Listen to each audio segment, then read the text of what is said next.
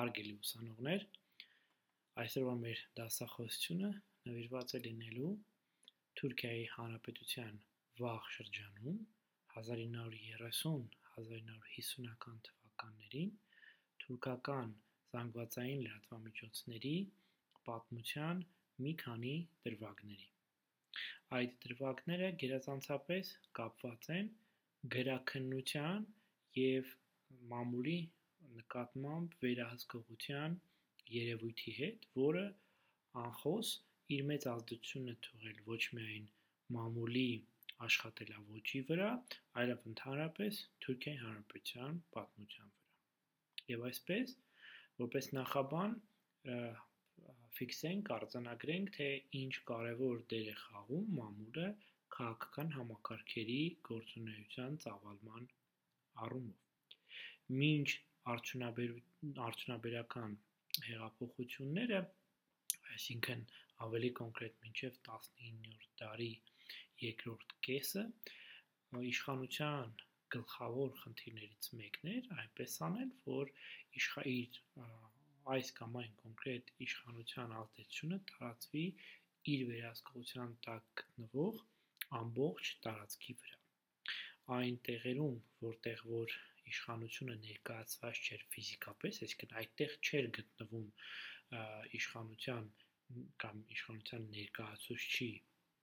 ուրեմն գրասենյակը կամ բուն ներկայացուցիչ այդտեղ չէր, ստեղծվում էին այնպիսի մեխանիզմներ, որպեսի ապահովեին, այսպես ասած, պատկերավոր կերպոս կամ եթե կուզեք այսօրվա լեզվով ասած վիրտուալ կերպով իշխանության ներկայությունը։ Դրա համար ամենատարբեր երևույթներ էին, ամենատարբեր միջոցներ էին կիրառվում,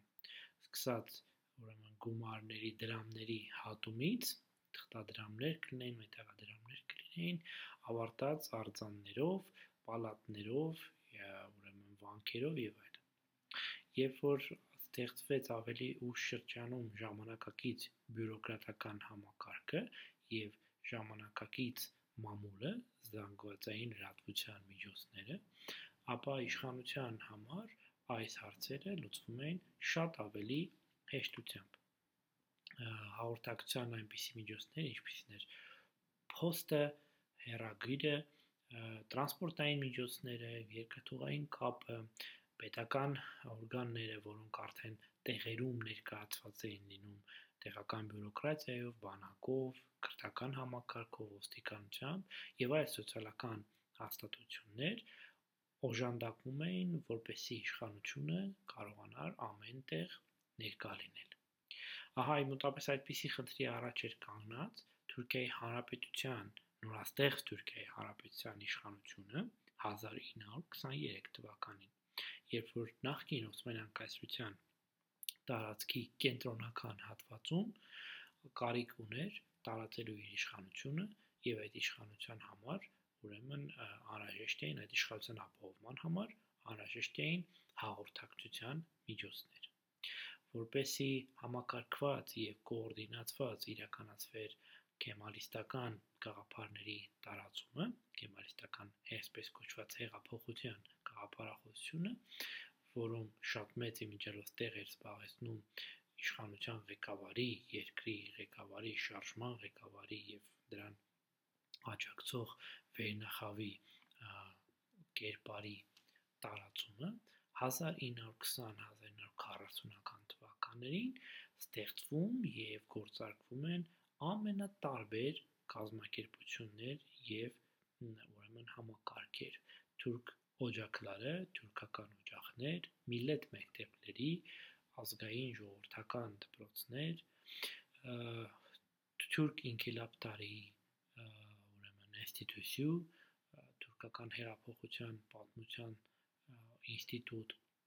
թուրք ինկիլաբ դերսլերի, թուրքական հեղափոխության դասեր եւ այլն եւ այլն։ Ահա այս բոլոր միությունները կոչված էին տարածելու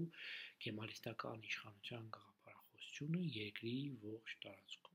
Այստեղ հատուկ ուշադրության են արժանի այսպես կոչված Քյոյ ինստիտուտների եւ Halk Kürsüleri, ուրեմն միավորները, որոնք կարող եք թարգմանել որպես գյուղական ինստիտուտներ եւ ժողովրդական դասընթացներ, ժողովրդական ավելի ճիշտ ժողովրդական ամբիոններ եւ ահա այս ուրեմն կազմակերպությունները եւս ուղղված էին իշխանության տարածման իշխանության ազդեցության տարածման Իհարկե, այստեղ առանձնահատուկ դեր պիտի խաղար մամուլը, որպես ամենաարագ, ամենամատչելի միջոց տարածելու իշխանական կարոզը եւ իշխանական ինֆորմացիան։ Բացի անշուշտ բարբերական մամուլից, այսինքն օրաթերթեր, շաբաթաթերթերից, որոնց մենք կանդրադառնանք այս շրջանում իշխանության կարոզով զբաղված էին անմիջապես եւ հատկապես այդ քարոշչական գործառույթը կատարելու համար ստեղծված մի քանի բարբերականներ։ Դրանց մեջ արժե առանձնացրել քադրո, ÜԼՔ, ամսագրերը։ Այս երկուսը շատ հեղինակավոր էին եւ մեծ ազդեցություն ունեին ուրեմն հասարակության վրա։ Եվ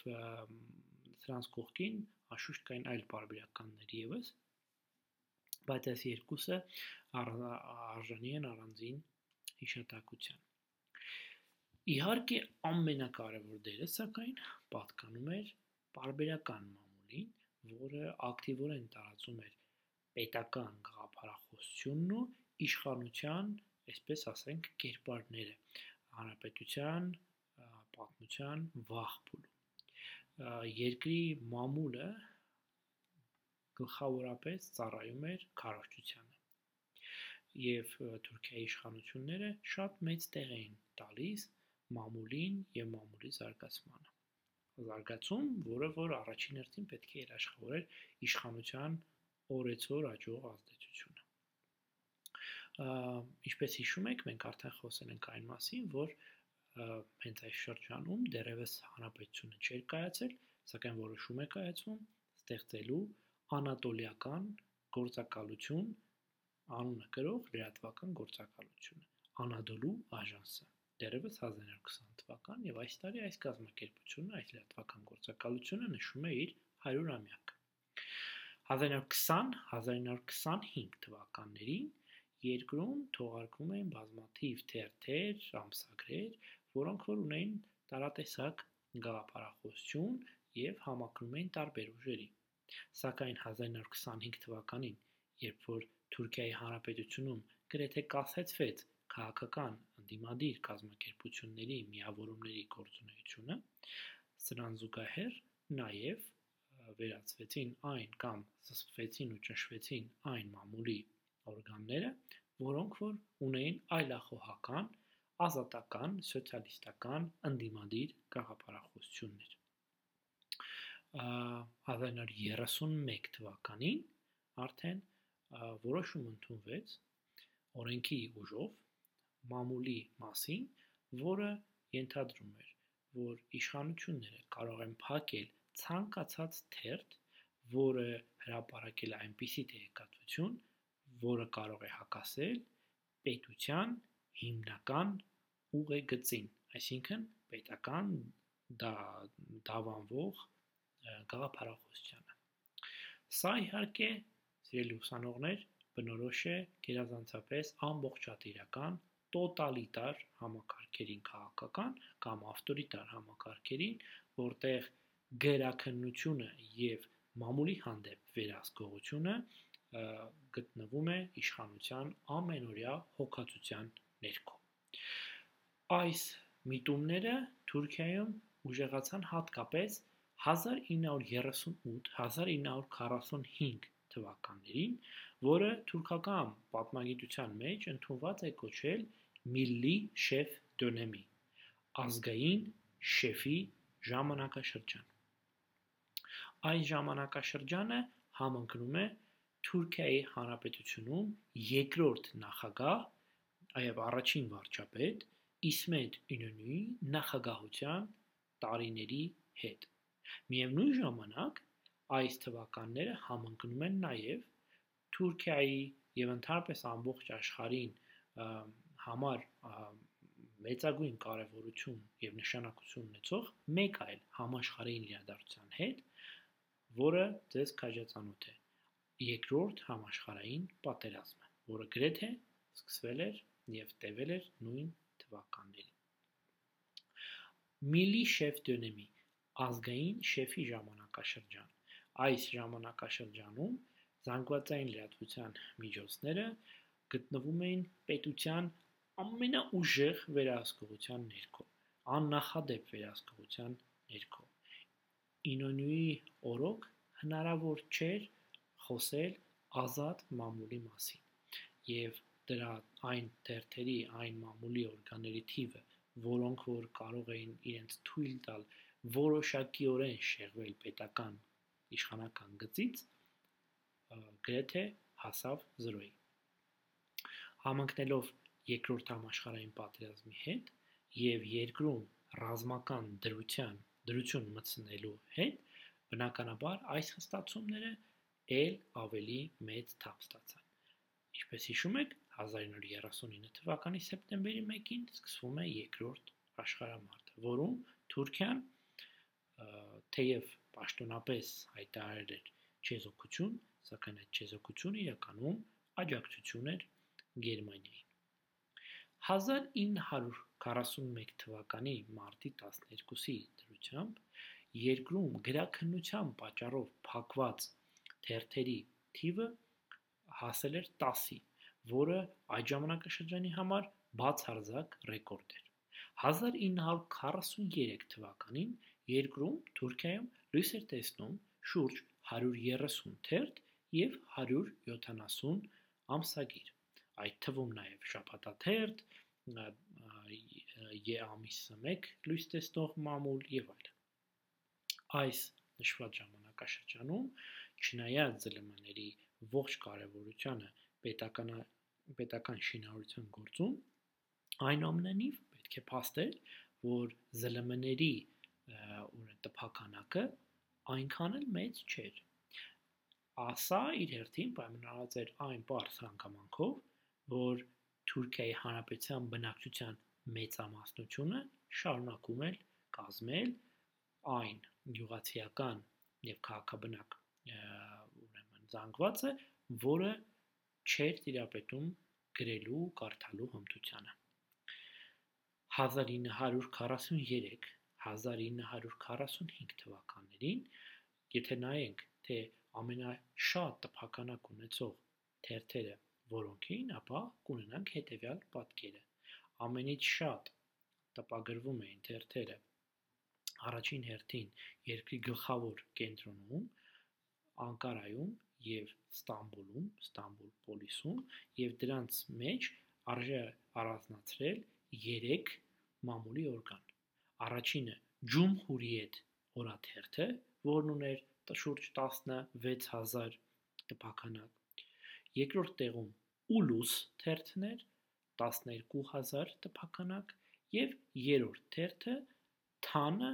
որը ուներ դարձյալ 12000 տպականակ։ Այլ պարբերականներից հիշատակության է արժանի Յենի Սաբահը, Ակշամը, Սոն Փոստան, Վաթանը, Թասվիրի Էֆքարը, Իգդամը, Վաքիթը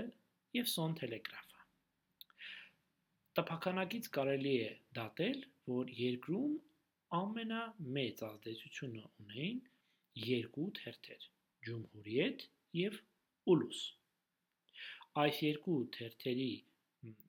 պոպուլարությունը պայմանավորված էր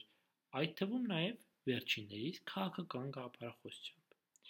Ուլուս թերթը, որ մինչև 1934 թվականը գրում էր Հակիմիեթի Միլիե անունը, ստեղծվել էր եւ ըստ էության հանդիսանում էր իշխանության եւ իշխող կուսակցության ժողովրդահանրապետական կուսակցության կիսապաշտոնական գլխավոր օրգանը մամուլի։ Այն ծառայում էր ինչ որ առումով թուրքական քաղաքական եւ սոցիալ-մշակութային համակարգերի յուրատեսակ հայելի։ Ջումհուրիետ թերթը, որ ժամանակակից Թուրքիայի ամենահին թերթն է, երկար ժամանակ, ընդհանուր մինչև 1939-1940 թվականները ուներ որոշակի կողմնորոշում դեպի կեմալիստներ եւ կեմալիստական ժողովրդահանրապետական կուսակցություն եւ աջակցում էր վերջիններից քաղաքականությանը։ Սակայն սկսած 1940-ականների կեսերից այն աշճանաբար վերածվում է ընդդիմադիր բարբերականի։ Այս թերթը շնորհիվ իր ղեկավարության եւ մեծ տպականակի շատ մեծ ազդեցություն ուներ երկրի քաղաքական կյանքի վրա։ Այս թերթը, սիրելի ուսանողներ, մինչև այժմ Թուրքիայում ամենաազդեցիկ լրատվամիջոցներից է եւ այսօր Ռեջեփ Թայիպ Էրդողանի փաստորեն ավտորիտար նկարտումների պայմաններում եւս հանդիսանում է եզակի ընդդիմադիր թերթերից պարբերականներից մեկը եւ դարձյալ աջակցում է ՃՀՊ կուսակցությանը։ Պետությունը բաց էի բաց հայտարարում էր, որ ԶԼՄ-ները պետք է ընդունեն այն տեսակետները, որոնք որ ընդունելի են իշխանության համար։ Այսպես 1939 թվականի հուլիսին ժուրնալիստների լրագրողների միության նիստի ժամանակ Թուրքիայի ներքին գործերի նախարար Ֆայիկ Օսթերակը հայտարարեց այն մասին, որ երկրում մամուլը պետք է համապատասխանի ազգային շեֆի խոսքը Իսմետ Ինոնյուի մասին էր ազգային շեֆի արձակած հրամաններին։ Մեջբերում եմ։ Մենք բոլորս գիտենք, թե ինչ հրաշալի դասեր է տվել մեզ մամուլի եւ մամուլի ազատությունների մասին մեր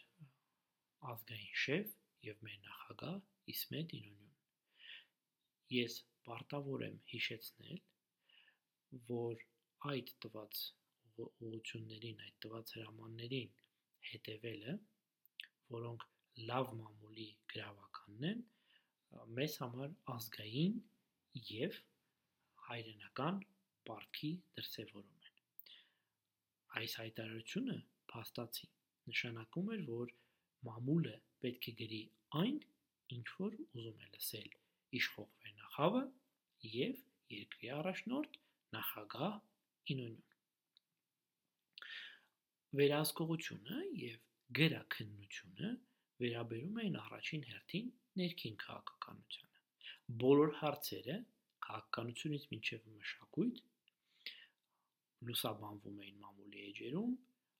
հստակ հետևելով պետական հանձնարարությանը եւ պետական գաղափարախոսական գծին որպեսզի կարողանանք ավելի լավ ձեզ ներկայացնել թե ինչպես էր գրաքննությունը իրականացվում տեղում իրականացվում մամուլի հանդեպ ձեզ համար կընթերցեմ հայտնի լրագրող Քեմալիստ Նադիր Նադիի հիշողություններից մի դրվագ, ով իմիջիալոց Ջումհուրիետ թերթի հիմնադիրներից է։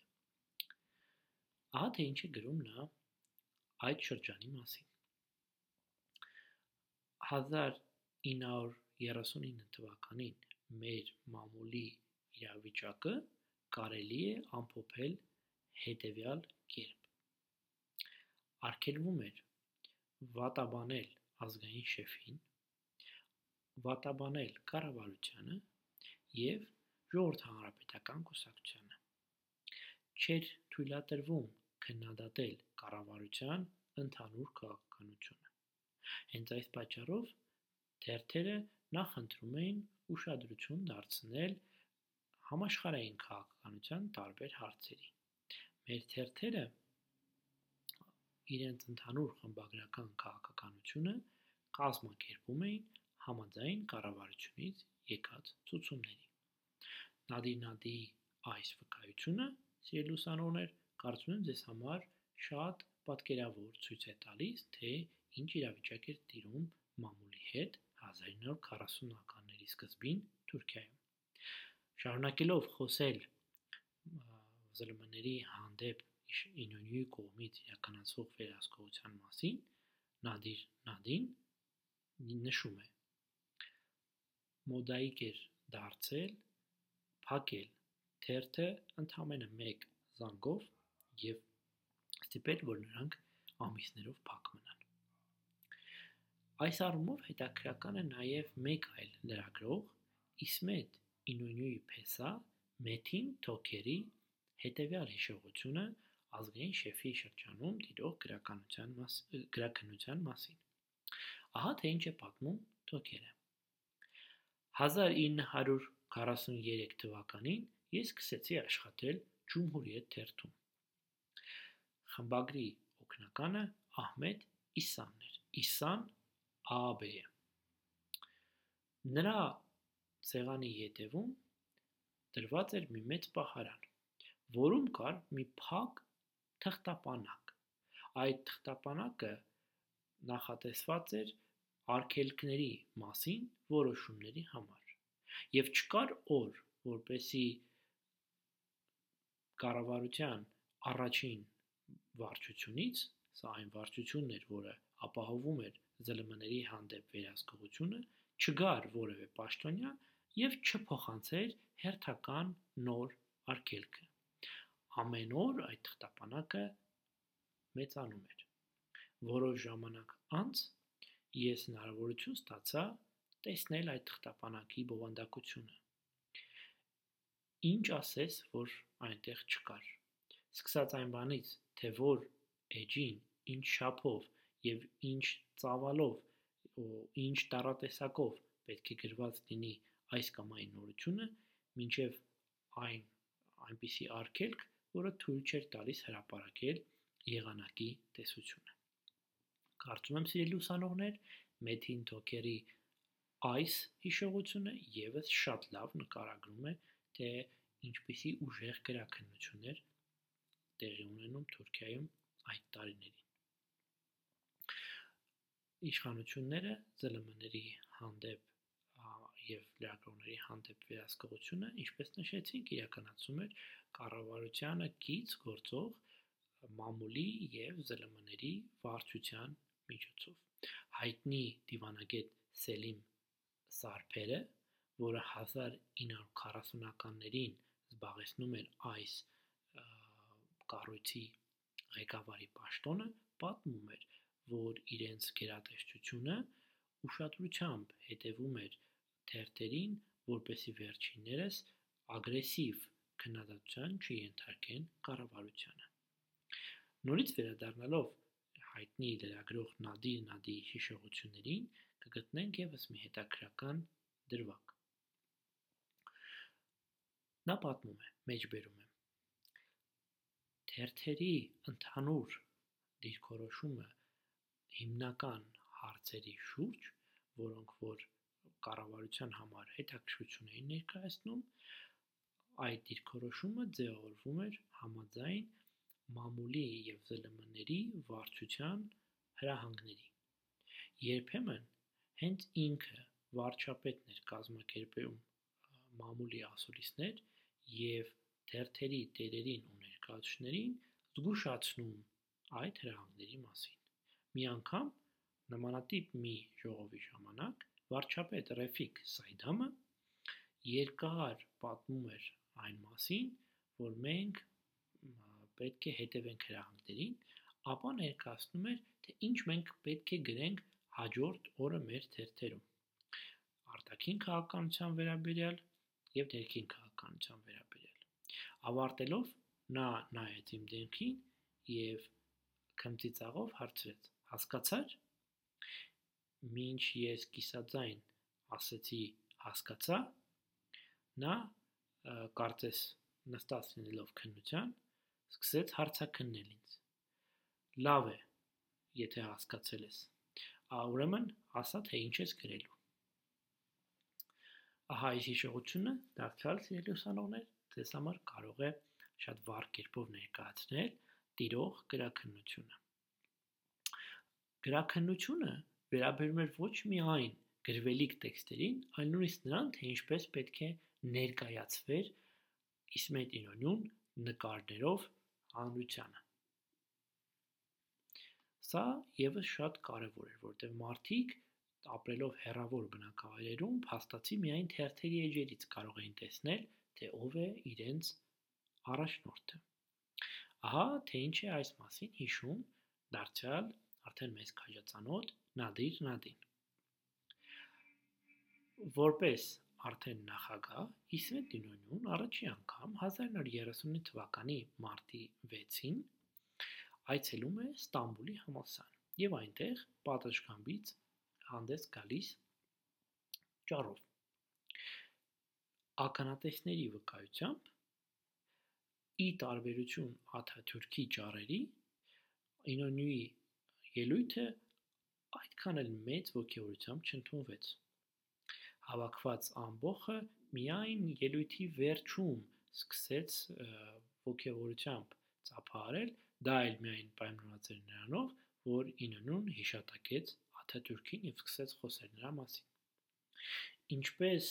փոխանցում է մեզ Նադին, հաջորդ օրը բոլոր թերթերը գրեցին, որ նախագահի ելույթը հաճախ ընդհատվում էր ողջավորեցնող ծափահարություններով եւ ավարտվում էր ամբողի հիացական արձագանքներով։ Տեսնում եք, որ Նադին-Նադին փաստորեն նկարագրում է իրավիճակ, երբ բոլորովին այլ իրավիճակ է եղել, երբ որ ելույթ է ունեցել նախագահ եւ բոլորովին այլ կերպ այդ իրավիճակը ներկայացում թերթերի էջերում։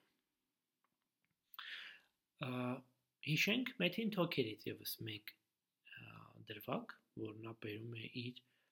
հիշողություններում։ Իշխանությունից եկող որոշ հրամաններում նշվում էր, որ այն նորությունները, որոնք վերաբերում են ազգային շեֆին, ազգային առաջնորդին եւ նրա ընտանիքին, պետք է լինեն մեծ ծավալի։ Այսինքն դա պետք է վկայեր այն մասին,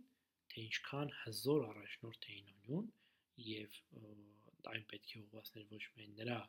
նրան սատարողին, այլ նաև նրա ճշտամիներին։ Հենց այս պատճառով է, որ գրեթե ամբողջ պատերազմի ընթացքում Ինոնյուի լուսանկարները, որը որում նա այցելել էր համերգներ, թատերական ներկայություն, ներկայացումներ, սպորտային միջոցառումներ, պետության պարտադրանքով լայնորեն պետք է զտեղվեին մամուլի էջերին։ Ես շատ լավ հիշում եմ մի այսպիսի դրվագ շարունակում է Մեթին Թոքերը։ Մի անգամ Ջումհուրիետ թերթ զանգեցին մամուլի վարչությունից եւ ասեցին, որ Ինոնյուի կնոջ Տիգին Ինոնյուի այցելությունը Ստամբուլ չի դրվել առաջին թերթ էջում թերթի, այլ միայն երկրորդ էջին։ Սա վրթովեցրել էր մամուլի վարչությանը։ Ինչպես տեսնում եք, սիրելի ուսանողներ, վերահսկողությունը սահմանվում էր ոչ միայն այն հարցերի շուրջ, որոնք որ անդրադառնում էին անձամբ ինոնույն, այլ նաև նրա ընտանիքի անդամներին։ Պետությունը հոգ էր տանում, որպեսի ինֆորմացիան տեղեկատվությունը ինոնյու եւ նրա ընտանիքի մասին մշտապես լույս տեսներ թերթի առաջին էջին։ Բացի այդ, շատ ուժեղ վերահսկողություն էր սահմանված, որքանով է այդ զտեղված ինֆորմացիան համապատասխանում իշխանության որթեգրած գաղափարախոսությանը։ Այս առումով եւս հնարավոր էր տեսնել բազմաթիվ օրինակներ գրաքննության, ինչպես է պետությունը ուրեմն վերահսկում դրա իրականացումը։ Այս շրջանում մամուլում թերթերում աշխատող մարդկանց հիշողությունները լի են բազմաթիվ պատմություններով, որոնք ներկայացնում են պետության իրական քաղաքականությունը զանգվածային լրատվամիջոցների նկատմամբ։ 1938 թվականի դեկտեմբերին, երբ Ինոնյուին շնորհվեց ազգային շեֆի տիտղոսը, սկսվեց այդ կերպարի հանրայնացումը մամուլի միջոցով։ Այսպես Ülkü ամսագրում պարբերաբար հրատարակվում էին հոդվածներ եւ սյունակներ, որոնք ընթերցողներին ներկայացնում էին այն կարևորությունը, թե ինչու պետք է նախագահ ունենա ազգային շեֆ դիտխոս։ Նրան ներկայացնում են որպես ժողովրդի հայր, որպես գլխավոր կրթող, որպես մարդ, ում ջանքերն ուղղված են ժողովրդի կրթմանը եւ դաստիարակմանը եւ այլն եւ այլն նմանատիպ այլ ուրեմն կերպարներ, որոնք աստորեն պետք է ցույց տային, թե ինչ հզոր առաջնորդ եւ ինչ կարեւոր առաջնորդ է Իսմետ Ինոնյուն։ Թերթերի առաջին էջերին, խմբագրական սյունակներում, հոդվածներում եւ նույնիսկ լրատվական բաժիններում անպայման պետք է զետեղվեին տեքստեր, որոնք որ փառաբանում էին Ինոնյուի կերպարը։ Իսկ այն օրերին, որ, որ որոնք որ կապված էին պատմական այս կամ այն իրադարձությունների հետ եւ որևէ կերպ առնչվում էին Ինոնյուին, ապա ընդհանրապես առաջին էջերը վերածվում էին Ինոնյուին փառաբանող էջերի։ Եվ այսպիսի մոտեցում կար ոչ միայն հիմնական թերթերում, այլ նաև կարելի էր գտնել նաև փոքրամասնությունների մամուլում, օրինակ հայկական գրական մշակութային հայ խոսնակ ամսագրում կարելի էր այսպիսի տողեր գտնել Ինոնյուի նախագահ դառնալու մասին։ Երկու հանճարեղ մարդիկ՝ Աթաթուրք եւ Իսմետ Ինոնյու։ Մենք խորագույնս խոնարհվում ենք մեր նոր եւ իմաստուն առաջնորդի առջև։ Ինչպես տեսնում եք, նույնիսկ փոքրամասնությունների մամուլը լի էր այսպիսի ողջավորությամբ, որտեղ պետությունը խստորեն հետևում էր, որպեսի մամուլը գովաբանի նախագահ Ինոնյուին։ Երբեմն այս գովաբանությունները թերթերի էջերին, որքան էլ տարօրինակ կարող է թվալ, հայտնվում էին բանաստեղծությունների տեսքով։ Այսպես 1939 թվականին Ջումհուրիետ թերթը հրապարակում է հայտնի թուրք գրող Յուսուֆ Զիա Օրթաչի բանաստեղծությունը նվիրված Ինոնյուին, որը հենց այդպես էլ գրում էր, այդպիսի անուններ գրում էր Ինոնյու, որտեղ հեղինակը Ինոնյուին համատում է հրաբուխի հետ, որը պետք է փրկի թուրք ժողովրդին։ Սա ընդամենը մի դրվագ է, թե ինչպես էր ուրեմն իշխանությունը վերահսկում մամուլի միջոցով իշխանության կերպարների եւ ազդեցության տարածումը։ Չնայած մեծ ջանքերին, որը պետության պետությունը ուղում էր հասարակ բնակչության մոտ գրագիտությունը բարձրացնելու համար 20-րդ դարի մինչև 20-րդ դարի երկրորդ կես Թուրքիա բնակչության մեծամասնությունը, ինչպես արդեն նշեցինք, անգրագետ էր։ Հենց այդ պայմանավորում այն հանգամանքը, որ իշխանությունները շատ մեծ տեղ էին տալիս ոչ միայն վիզուալ ոչ միայն ուրեմն տեքստային նյութերին, այլ նաև վիզուալ նյութերին, նկարներին, կոլաժներին եւ այլն։ Այս առումով իհարկե ժամանակի թուրքական թերթերը լի էին իշխանության մասնապես Իսմետ Ինոնյուի նկարներով։ Ամեն էջում պետք էր պարտադիր գտնել Ինոնյուի նկարը։ Իշխանությունների կողմից մեծ վերահսկողությունը մամուլի նկատմամբ տարածվում էր նաև աստիճանաբար ձևավորվող մեկ այլ լրատվական միջոցի ռադիոյի նկատմամբ։ Արդեն 1927 թվականին Թուրքիայում հայտնվում է, ստեղծվում է մասնապես երկու քաղաքներում, Անկարայում Ստամբուլում ստեղծվում է ստեղծվում են ռադիոկայաններ։ Ռադիոն